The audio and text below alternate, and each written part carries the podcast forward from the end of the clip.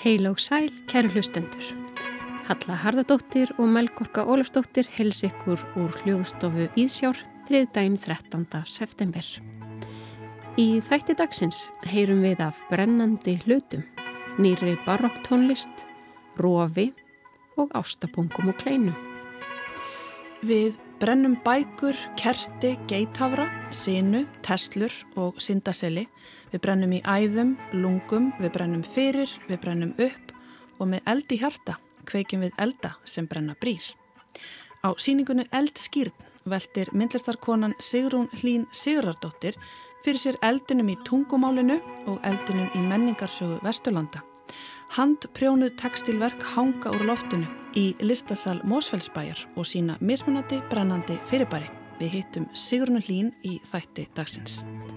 Í kvöld og næsta sunnudagskvöld verða lokasýningar á dansverkinu Róf í Tjarnabíói.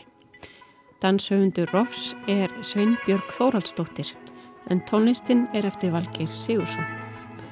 Halla Þóradóttir, dansari, fekk tilnefningu sem dansari ássins á grímunni árið 2021 fyrir tólkun sína á þessu sérstæða sóluverki. En það er Sveinbjörg verða gestur vísjár hér rétt á eftir. Getur bakkelsi verið arkitektónist? Þegar þú velur kanelsnúð, hvernig getur þú verið vissum að hann vel ekki þig? Eru kleinur, fagra listir og ástarpungar harkjarna mótenistar? Þannig spyr Óskar Arnósson, arkitekt í Pisleidagsins, sem að þessu sinni velti fyrir sér muninum á ástarpung og kleinu.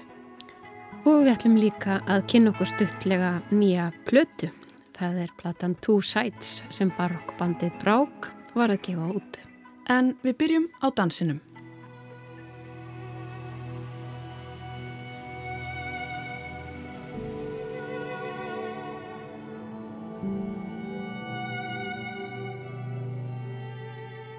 Það eru sérstarleitna hjá mér Sveinbjörg Þóraldsdóttir og Halla Þóraldóttir, danshöfundur og dansari verksins ROF, sem verður tekið upp aftur og verða tværsýningar í kvöld og um helgina velkomnar.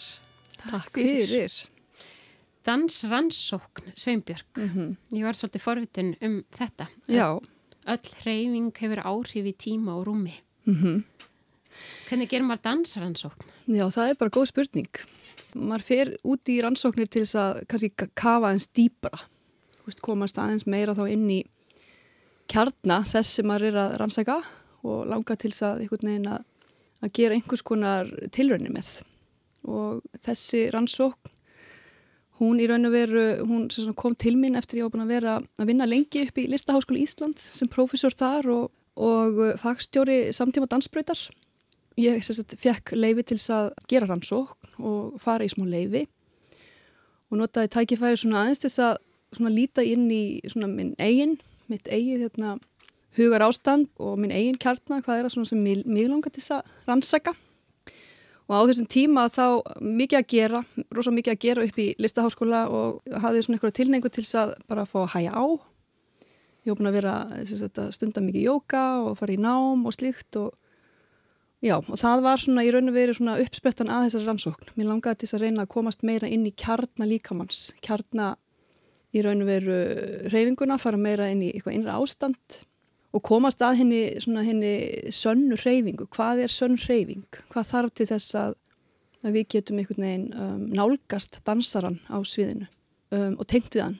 Mm -hmm. þannig að ekki verði róf Þannig að þetta er í rauninni ekki róf Sko titillverksins er mjög marg laga mm -hmm. við erum í rauninu veru, þessi dansari verksins Halla, hún er sagt, í ákveðinu svona hugar ástandi þetta er svona, þetta er svolítið þetta er svona pínu eins og hugleðsla að, að fylgjast með verkinu og verða vitna verkinu, þetta er svona perla sem við fáum svona kíkja inn í einhvers konar vít sem hún er inn í og, og við fáum svona sem áhörandi að, að, að tengjast því og svo fer hún út í vítin, eða sérst út úr vítinu og tengist þá áhörandum og svona kemur út úr svo inn í svo við einhvern veginn fáum að fara inn í þetta ferðala með henni Já Það stendur í lýsingu á verkinu að dansari verksins tólki sögur sem líka minn geymir. Halla, ertu þá einhvers konar somatíst skáld? Frábær titill, já, ég ætla að fá að titla mig bara sem sómatist skáld henni frá í staði fyrir dansara. Það er góð titill. Uh, já, kannski, sko, aðferðin sem að við hefum verið að nota við Sveinbjörg sem hún kom með að þessu ferli, fyrir mig sem dansara eða sómatist skáld þá er það svolítið svona bara að uh, opna fyrir eitthvað ströym, fyrir eitthvað flæði í gegnum þá hugleislu sem við höfum verið að nota mikið að taka burt svona fyrirfram ákveðnar hugmyndir um hvaða reyfingu maður gerir, hvernig líka minn lítur út meðan að gerir reyfingarnar og leita bara að einhverjum sannleika í reyfingunni án þess að vera með einhvern dómara á því og það er í rauninni bara sama hvaða uh, formlistar maður setur þetta kerfi á eða þessi aðferð yfir á bara að ná að opna á eitthvað svona flæði og leifa bara listinni að renna fram einhvern veginn hmm. Það hljómar eins og sé heilmikið hlustun í þessu, mm. kannski hlustun eftir impulsum sem koma innan úr þér og hlustun eftir áhörundunum að einhverju leiti líka, þú ert að bregðast við umhverfinu eða hvað? Kannski aðalega í ferlinu sjálfu þá er þetta aðalega snóðast um þessa innri impulsa mm. að hlusta á líkamann og hvað hann vil gera í mómentinu og svo auðvita ósirátt þegar maður er á sviðinu þá fara áhrundunir að tala inn í það sem maður gerir og hafa áhrif á ástandið og hvernig maður bregst við orkunni frá þeim mm -hmm.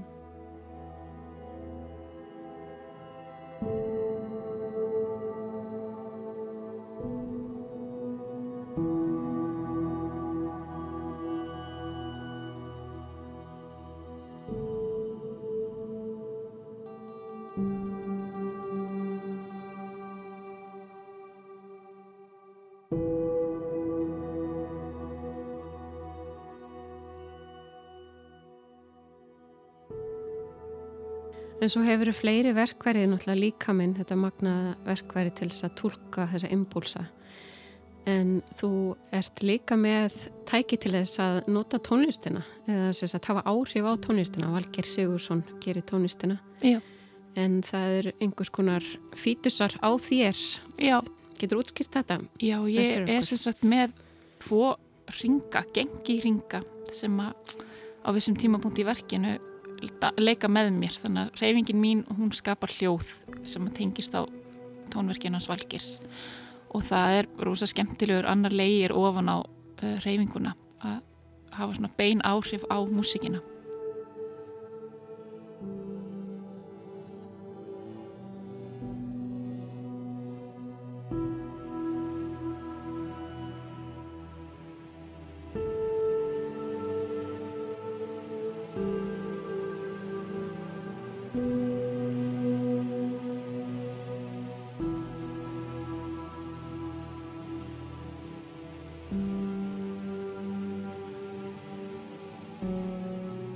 þinn dans, þú varst tilnæmt sem dansari ársins fyrir þetta verk mm -hmm. og þína tólkun á því. Ég er ekki búin að sjá það sjálf en það hljómar eins og þetta hafi heilmikið að gera með svona að fanga eitthvað augnablík í flæði og það er náttúrutenging þarna og það er svona eins og foss mm -hmm. og ég mynda mér að þetta sé svona svolítið eins og fanga eitt drópa í fossi. Hvernig tengir við það Sveinbjörg? Já, mér finnst þetta fallegt hvernig þú tólkar það líka bara á þess að hafa séð verkið. það er einmitt akkurat þetta. Mm. Þetta, hérna, þetta verki er líka svolítið svona bara lítil perla sem að vera svona vittni að í, í einmitt núinu. Veist, þannig að þetta er mikil hugleisla bara fyrir áhrandan að setjast og svolítið verða vittna því sem að hún tólkar á sviðinu og þetta hefur náttúrulega bara bein áhrif á og maður svona samsama sig því, veginn, bara samt á sinn hátt. Mm -hmm. um, þannig að líka með minn sem áhörandi já, fyrir einhvern veginn inn í, í sínarsögur og það sem að, það sem að einhvern veginn hefur áhrif á þig sem einstakling þannig að þetta er svona, ég myndi segja það algjörlega svona í núinu upplifa maður eitthvað mjög sérstakt og ólíkt í hvert skipti sem ég horfa, nú er ég búin að horfa þetta ansi oft og það er alltaf mm. eitthvað, alltaf eitthvað mjög spennandi og nýtt sem kemur frá höllum. Já, það er svona skemmtilegt að eins og sem ég segi, það kemur alltaf eitthvað nýtt þrátt fyrir að við séum með verk sem er náttúrulega móta og það er, músikinn er alltaf eins fyrir utan það sem ég hef áhrif á með ringunum og sviðsmyndin og lýsingin er svona góð rammi og, og hérna og svo svona leita að frelsi og núansum innan þess ramma. Er þetta svona introvert dans? Er það meira inn á við heldur en út á við? Sko klárlega myndi ég segja að þetta veri meira inn á við að við verum að vinna að, já, að reyna að tengjast einhvern veginn kjarnar líkamann sem mikið og hægt er inn í þetta hugur ástand sem að sko líkaminn geymir. En auðvitað er það svo okkar að gera það aðgengilegt og, mm. og það gerir Halla svo sannarlega og er alveg ótrúlega eh, sko sönn sínu en næri einhvern veginn samt að tengjast áhöröndunum á svo ótrúlega fallegan hátt. Mm. Og draga hann inn. Og draga hann inn og það er svolítið verkefnið, þannig að verði nú ekki róf. Svo við aftur á tíkinu.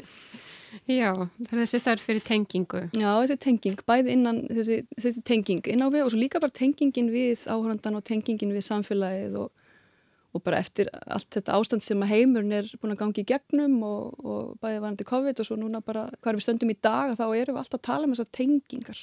Mm -hmm og þetta hugar ástand sem að líka mér þarf að vera í til þess að geta gefið frá sér líka veist, og geta tengst annar í mannesku þannig það er svo margt sem kemur inn í þetta Og kannski mikið var þess að hlusta á impulsana í líkamann Algjörlega, sko. þar byrjar þetta allt mm -hmm. Og þessi síning hún verður sínt í kvöld og Aha. svo aftur á sunnudaginn, klukkan hálf nýju í Tjarnabíu og ég mæli bara eindreiði með því að fólk komi og sjáu einna okkar fallegustu dansurum á sviði það er einna, ekki oft tækifæri til þess Nei. Takk kærlega fyrir komuna, báða tvær, Halla. Takk einlega fyrir okkur. Við lökum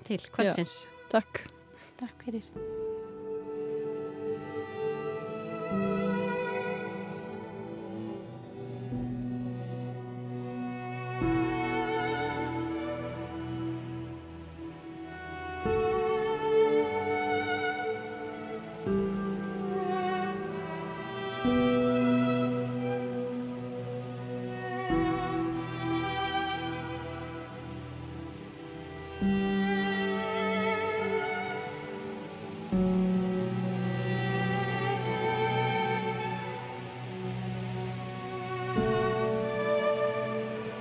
Melgorka hitti þær Sveinbjörgu Þóraldsdóttur, dansöfund og Höllu Þórðardóttur dansara og heyrði af dansverkinu Róf sem flutt verður í kvöld í Tjarnarbíói.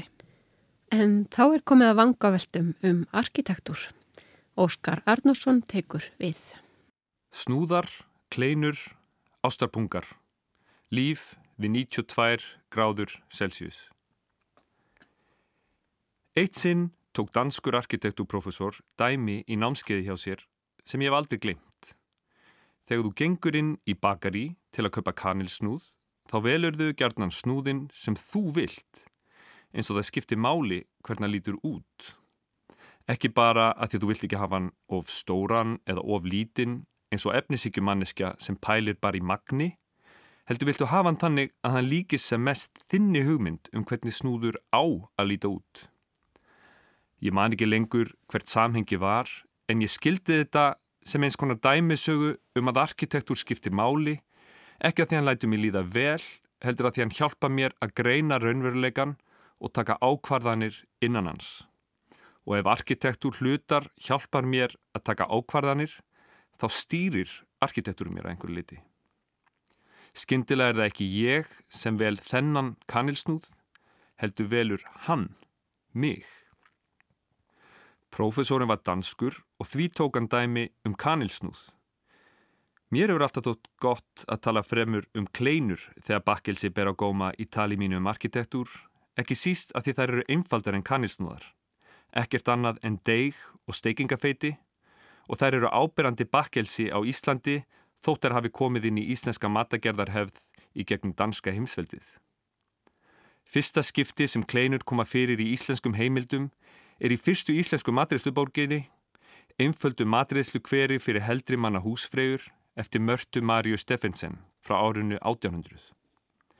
Uppskriftin kallar á kveiti, rifin sítónubörg, sírðan rjóma, sigur og nokkur egg en kleinurnar eru stektar upp úr smjöri. Þar er því list hvernig degið er hnoðað, rúlað og skorið Með fylgir eina skýringamind bókarinnar sem hlýtur að vera með eldri prentuðu skýringamindum Íslandsögunar en kleinurnar hennar mörtu voru með tveimur göttum og snúið upp á báða enda og þær stráðar með sigri. Þetta er arkitektur kleinunar. Í fyrstu vestrænu bókinni um arkitektur í nútíma, bókinni Um byggingar frá því á miðri 15. öld, lýsir höfundurinn Leon Battista Alberti sem að jafnframt fyrst í nútíma maðurinn til að nota orðið arkitekt yfir sjálfansi í riti, því hvernig allur arkitektur samanstendur af línum og efni. Arkitektin hefur línur hlutarins ljóslifandi í huga sér áður en handverksmaðurinn smíðar hann í raunheiminum. Þessi hugmynd ber með sér að línurnar í huga arkitektsins séu efninu æðri í raunheiminum um leiðum hún ber með sér vísi að verkaskiptingu millir þjóðfélagshópa á árunum þegar kapitalist hagkerfi var að myndast í borgríkjum þess sem nú kallast Ítalija. Í uppháðsorðum sínum lýsir Alberti handverksmanninum sem verkfæri í höndum arkitektsins og undirstrykkar þannig vald hinn að nýju mentastjættar yfir honum. Á miðhöldum leitaði fjármaksegandi til handverksmannsins sem gemdi lindardóma yðnarsinnar í kollinum og í höndunum. Í endurreysninni tókst arkitektinum að stilla sér upp á milli handverksmannsins og fjármaksegandans með því að telja fjármaksegandanum í trú um að hann geti sínt veldi sitt og smekk með því að fjárfesta í hönnun arkitekts sem hér eftir myndi stýra handverki handverksmannsins. Ef handverksmaðurinn geti villur við gerð byggingar, gæti arkitektin sagt Þetta er ekki byggingi mín og komið þannig ábyrðinni yfir á grei handverksmannin. Bók Albertís var ekki prentuð enda var hún skrifuð 50 árum áður en Gutenberg fann upp prentið á Vesturlöndum, en þá hafið það þekst í Kína í hálfa þúsöld. Eitt af því sem prenti lefði var nákvæm fjölföldun myndskreitinga. Fyrir tíma prentsins var eina leiðin til að fjölfalda bók að lesa hana upp í herbergi fyrir hóp munka sem hver skrifaði sitt eintak af sömu bók, til fleiri munkar, til fleiri eintök. Þetta var nokkuð auðvelt með því talaða orð. Ef ég segi Jésús breytti vatni í vín, við hóp munka og byrða á að skrifa það niður, þá ættu þeir að geta það, þóttir hefðu aldrei séð vatn breytast í vín. Þeir þurfi ekki eins og að trúa því að það geti gerst. Sámögulegi er þó fyrir hendi að við lestur heillar bókar geti eitt eða annað skólast til eins og setning í kvísluleik. Þessi vandi markfaldast við gerð myndskreitinga og því inni heldur bækur ekki fjölfaldaða myndskreitingar fyrir innrið prensins. Ef Alberti hefði lesið bók sína upp fyrir munka, hefði hann geta sagt Allur arkitektur samanstendur af línum og efni og munkarnir hefðu átt nokkuð auðvelt með að skrifa þessa setningu niður. En ef Alberti langar að innihalda teikningar af súlnaformum, til dæmis kórintískri súlu sem er nokkuð flókin í útliti, þá hefði það gert miklar kröfur til teikni hæfileika munkana og svo hætta hefði geta skapast að eftir því sem bókin var í fjölfölduð oftar af mismunandi munkum á mismunandi stöðum að súlan geti tekið miklum stakkaskiptum. Bók Albertís kom þannig út áður en lærdómur hennar gæt nýst til fulls. Eftirprentið var hægt að ganga að því vísu að hver einasta teikning er því nákvæmlega eins í hverja einustu bók en það varð bók Sebastiano Serliós sem við skulum þýða lauslega sem Allt um arkitektur og fjárvít frá 1537, fyrsta bókin til að innihalda teikningar af súlnaformum sem þannig dreifðust með heimsfaldastefnunni um allan hnöttin eins og arkitektónískir trúbóðar. En hvað með kleinur?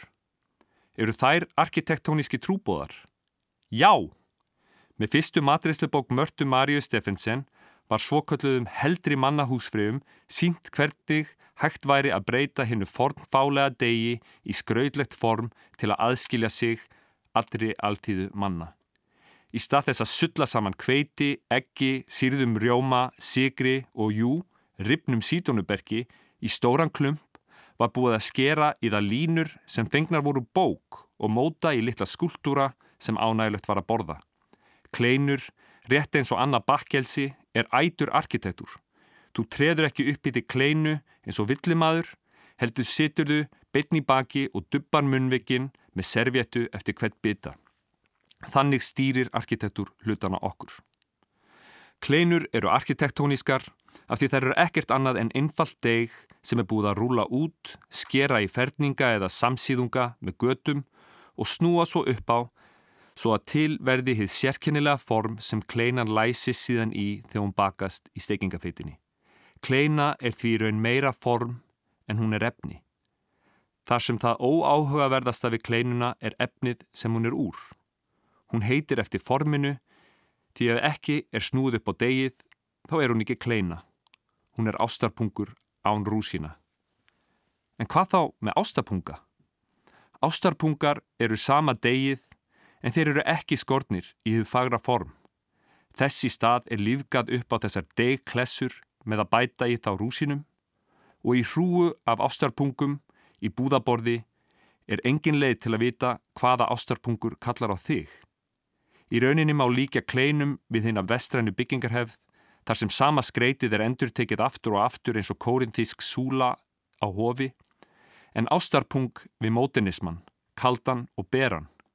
Þegar allt kemur til alls er kleinan ekkert annað en degklessa og því ákveðin heiðarleiki í því falin að strýpa hana af kleinuforminu og skella degklumpinum óformuðum í feitina.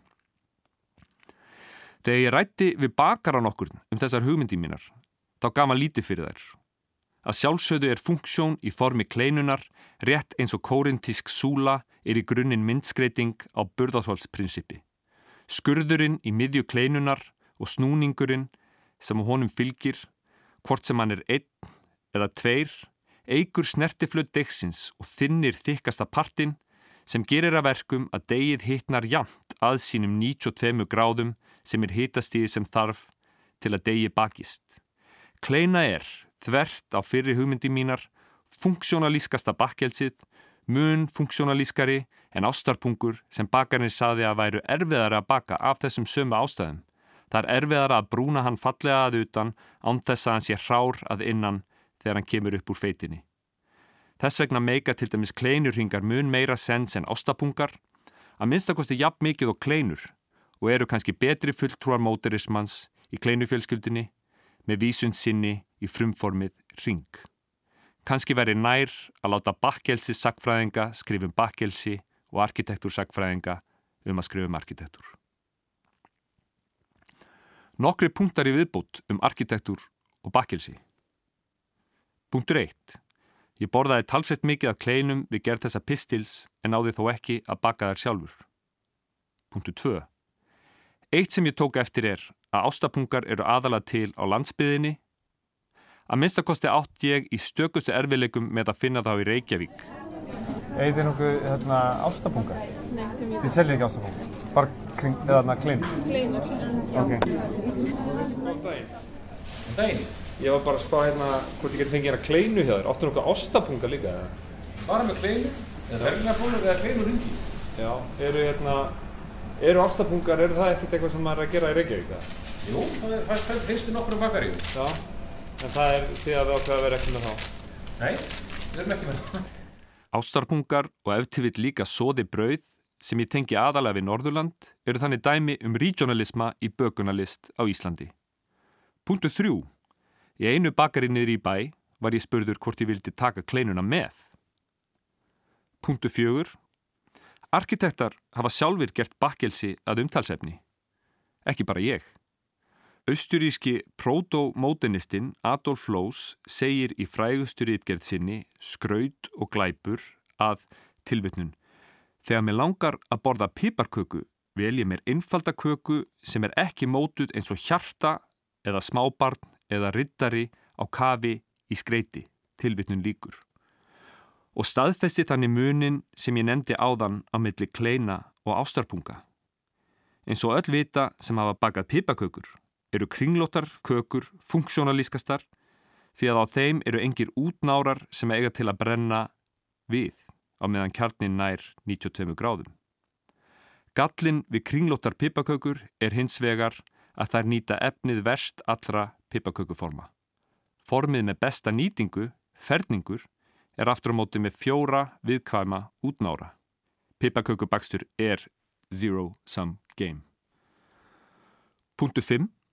Eitt uppáhaldsverk mitt er How to lay out a croissant, teiknað af Evu Prats fyrir spænska arkitektin Enrique Miralles og byrt er meðal annara verka teiknustofu hans eins og hver önnur bygging. Hér mælir Prats upp croissant og hann teiknar af mikilli nákvæmni, ásamt að gefa nákvæm fyrirmæli um hvernig teikna má croissant. Með fylgir ljósmynd af hennu fullkomna croissant og fær okkur til að hugsa. Hvort kemur fyrst, þið fullkomna croissant eða teikningin að því, hinn fullkomna kleina, hinn fullkomni snúður.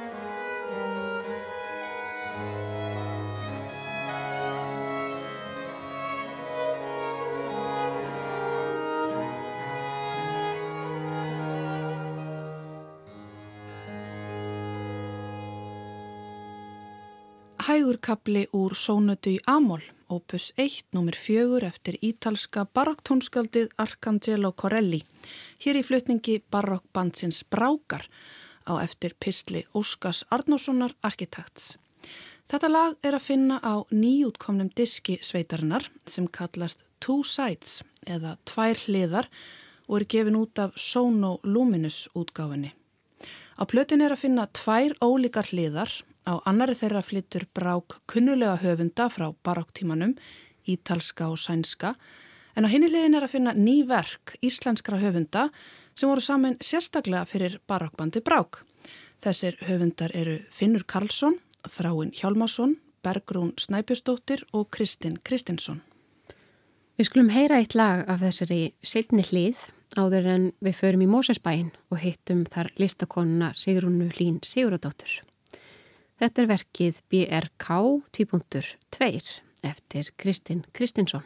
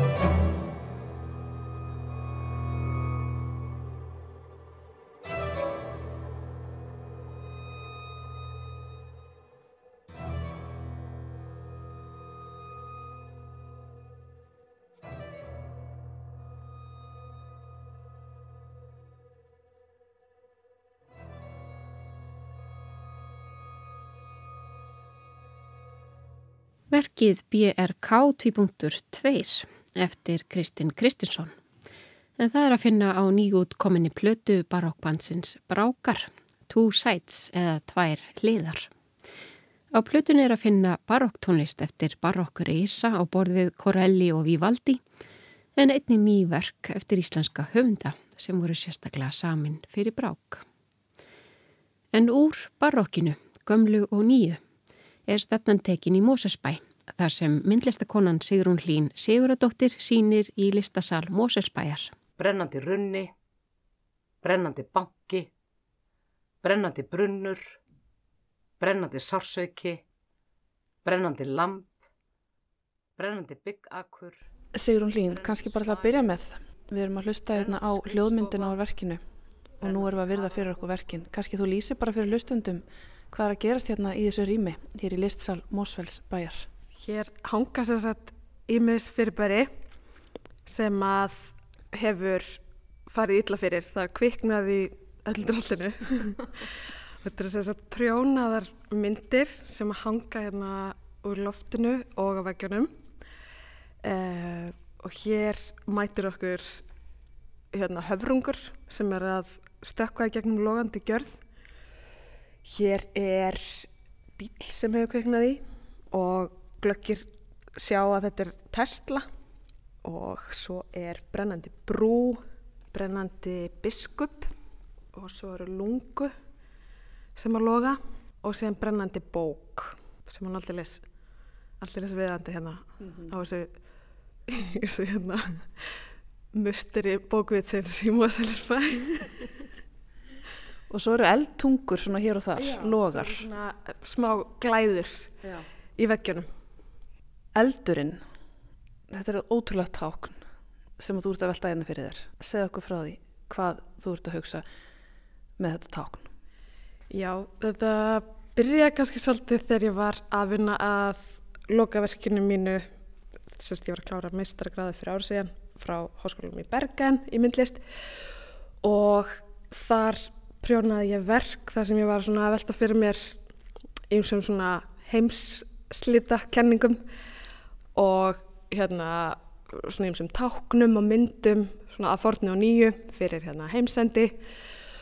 Og ég hérna eitti talsverðin tíma í að skoða myndir af svona myndskreittum miðaldahandritum þar sem að hérna, þar sem er mikið náttúrulega vítislogar alveg svo les lónadón og hérna og svo, og svo svona heimsendamindir og eldurinn kemur svo feiknarlega mikið við sögu þar og, og þar eru líka svona myndskreitingarnar svolítið í stíl sem er ekkert svona rosalega natúralískur og mér fannst það, mér fannst það ótrúlega skemmtilegt að para það með þessum svona myndræna e, stíl sem ég næ fram með því að prjóna. Ég sagt, tek myndir, pixlaða niður e, til þess að geta, þess að geta prjónað gróft og fengið svona daldinn skala til þess að það takir mikið hérna af því ég er ekki með sko, e, ég er ekki með einhverja einhverja vesalinga í hérna þrælavinnu eins og á miðaldum og það ger ég þetta fyrir sjálf. Og það þarf þetta að vera alltaf gróft til að ég ná að stækka það upp til að fá svona áhrifin sem ég vil. Og þá verður þetta svolítið svona svolítið svona hérna grófur eða svona þú verður svona teiknumynda stíl svolítið og og það einhvern veginn mér var svona það, já, það, það var svona mm -hmm. kveikjan mm -hmm. ef, að, ef ég lefði mér að segja svo uh, og svo fór ég svona að para þetta eldmótíf með alls konar fyrirbærum og og hérna þá fór ég svona að leika mér líka með hvernig eldurinn er mótíf í tungumálinu og hérna og það er eitthvað svona sem að mér hefur líka alltaf þótt spennandi. Ég, sagt, ég sagt, lærði íslensku upphjálega eftir meðskóla og þar var daldill hérna spenningur fyrir svona kenningum um hugræn fræði.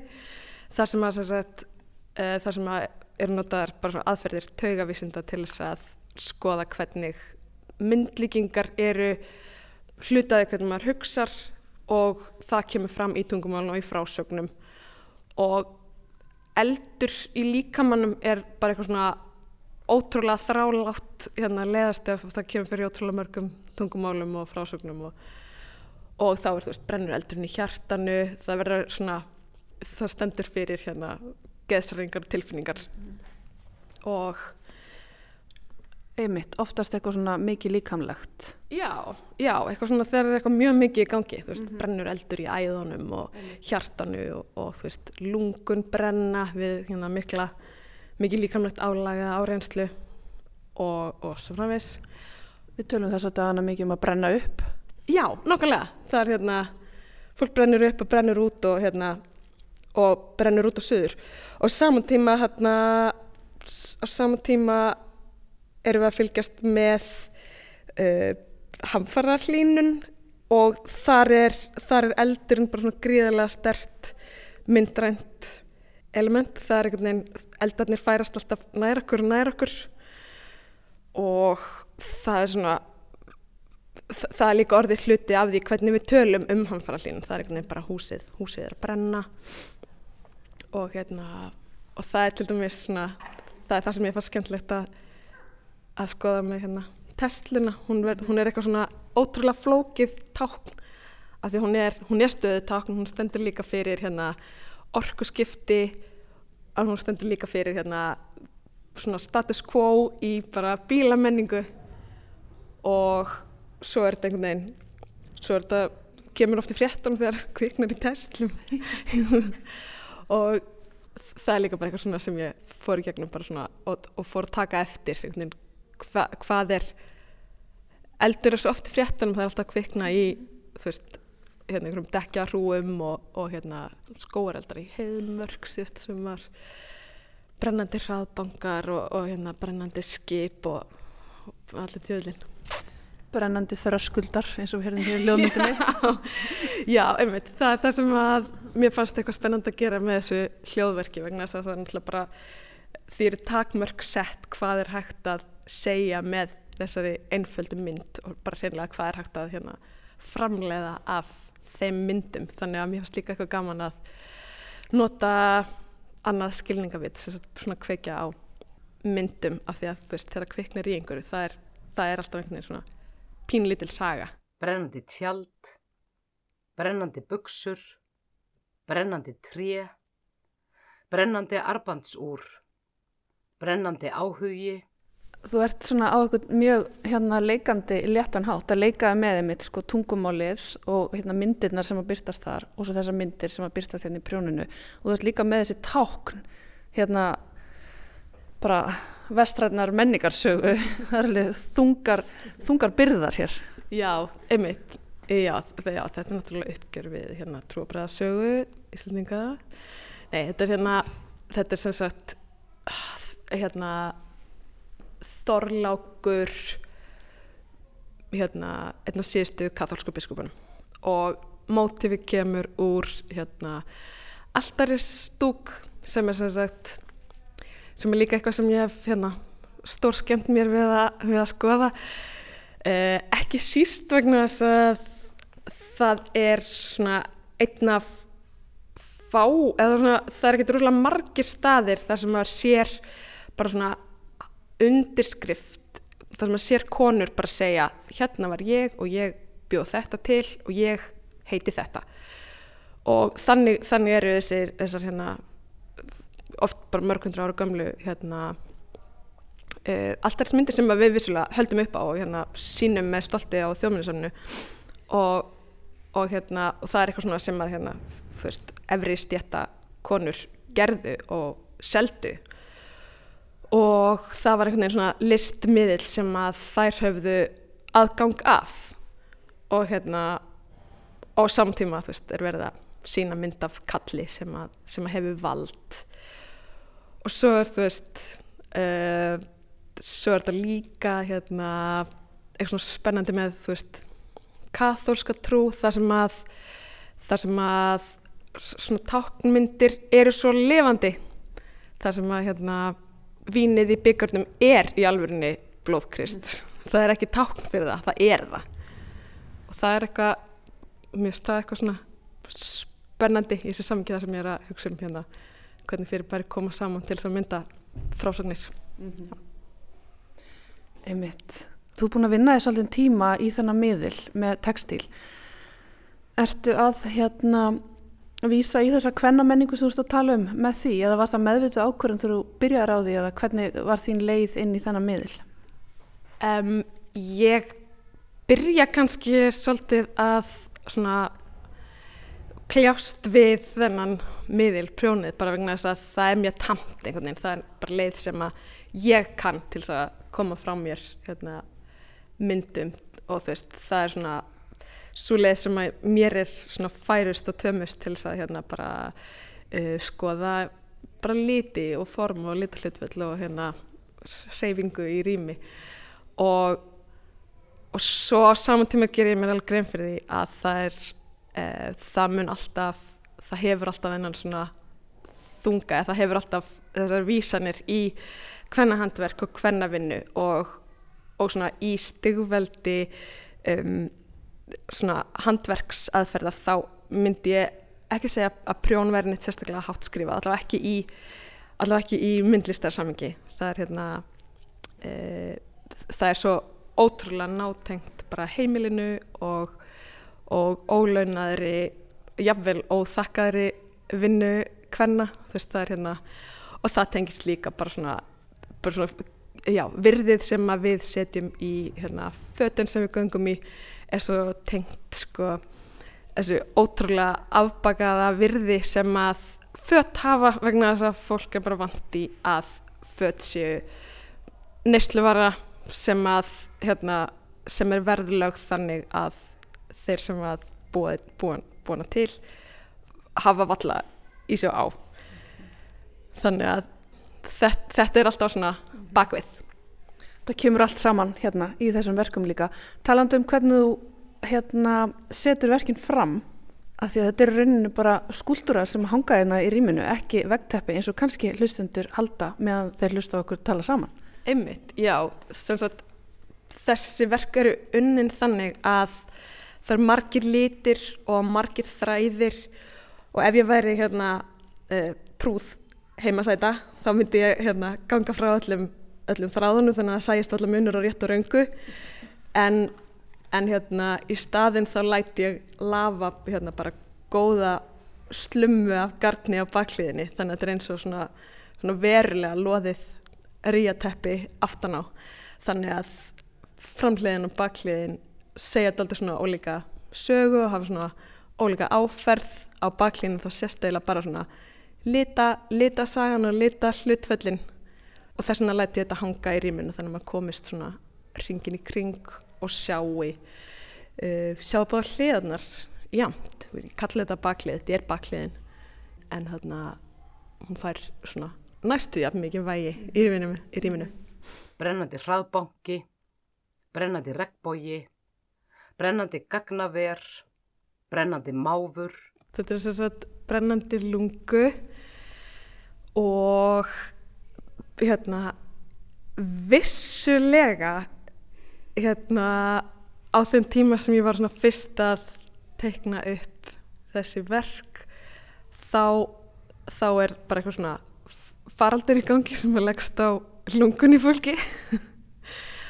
Og svo er þetta líka bara eitthvað svona e, þú veist, bruni er eitthvað svona ferli sem að fer stöðt fram í líkamannum og það er eitthvað svona ég veit ekki, það er svona sterk tilfinning sem maður fær þegar maður sér, þegar maður sér eitthvað veist, sem á að vera inn í líkamannum utan hans. Og svo, og svo logar það, það er einhvern veginn þetta er ekki, þetta er ekki eins og það á að vera. Brennandi fræ brennandi sumarhús brennandi garðskáli brennandi harðfiskur. Eldskýrn kannski vísar svona helst í hérna já, ég veit ekki, svona ritualiska eiginleika eld og og hérna og hvernig, hvernig þeir hafa og hvernig þeir hafa breyst.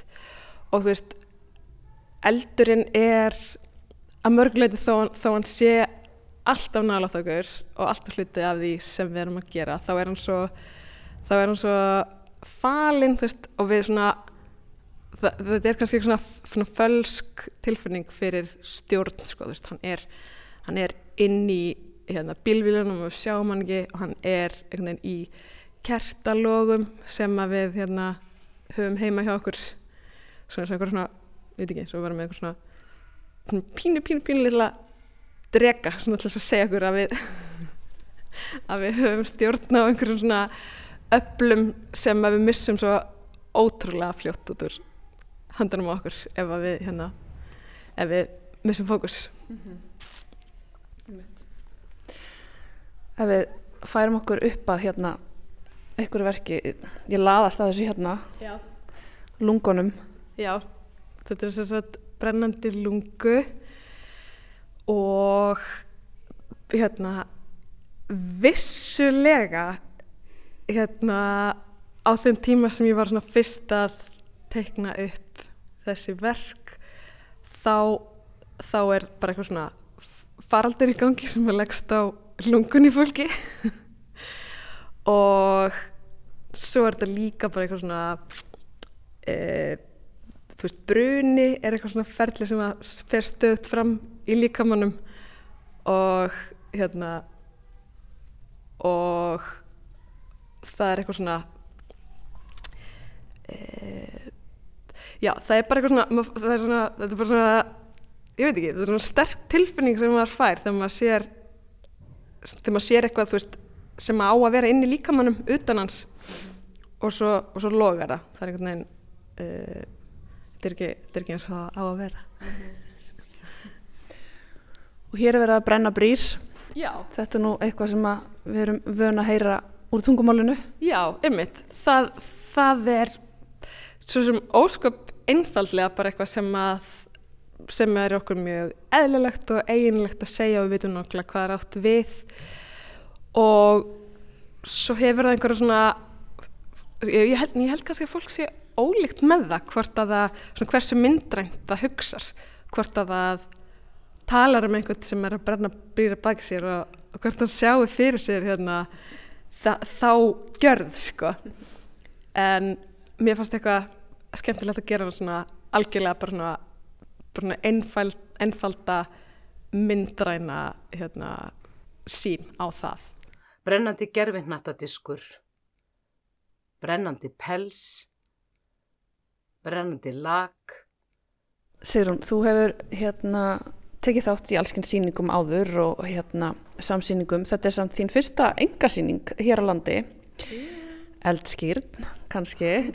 og hérna, og þú ert nýkomin, tildulega nýkomin úr meistarnámi eins og myndist á einnaðan frá Bergen. Segð okkur svona aðeins í lokin hérna, hvernig var að vera í meistarnámi í Bergen og hvernig er að vera komin heim? Það var að mörguleiti frábært.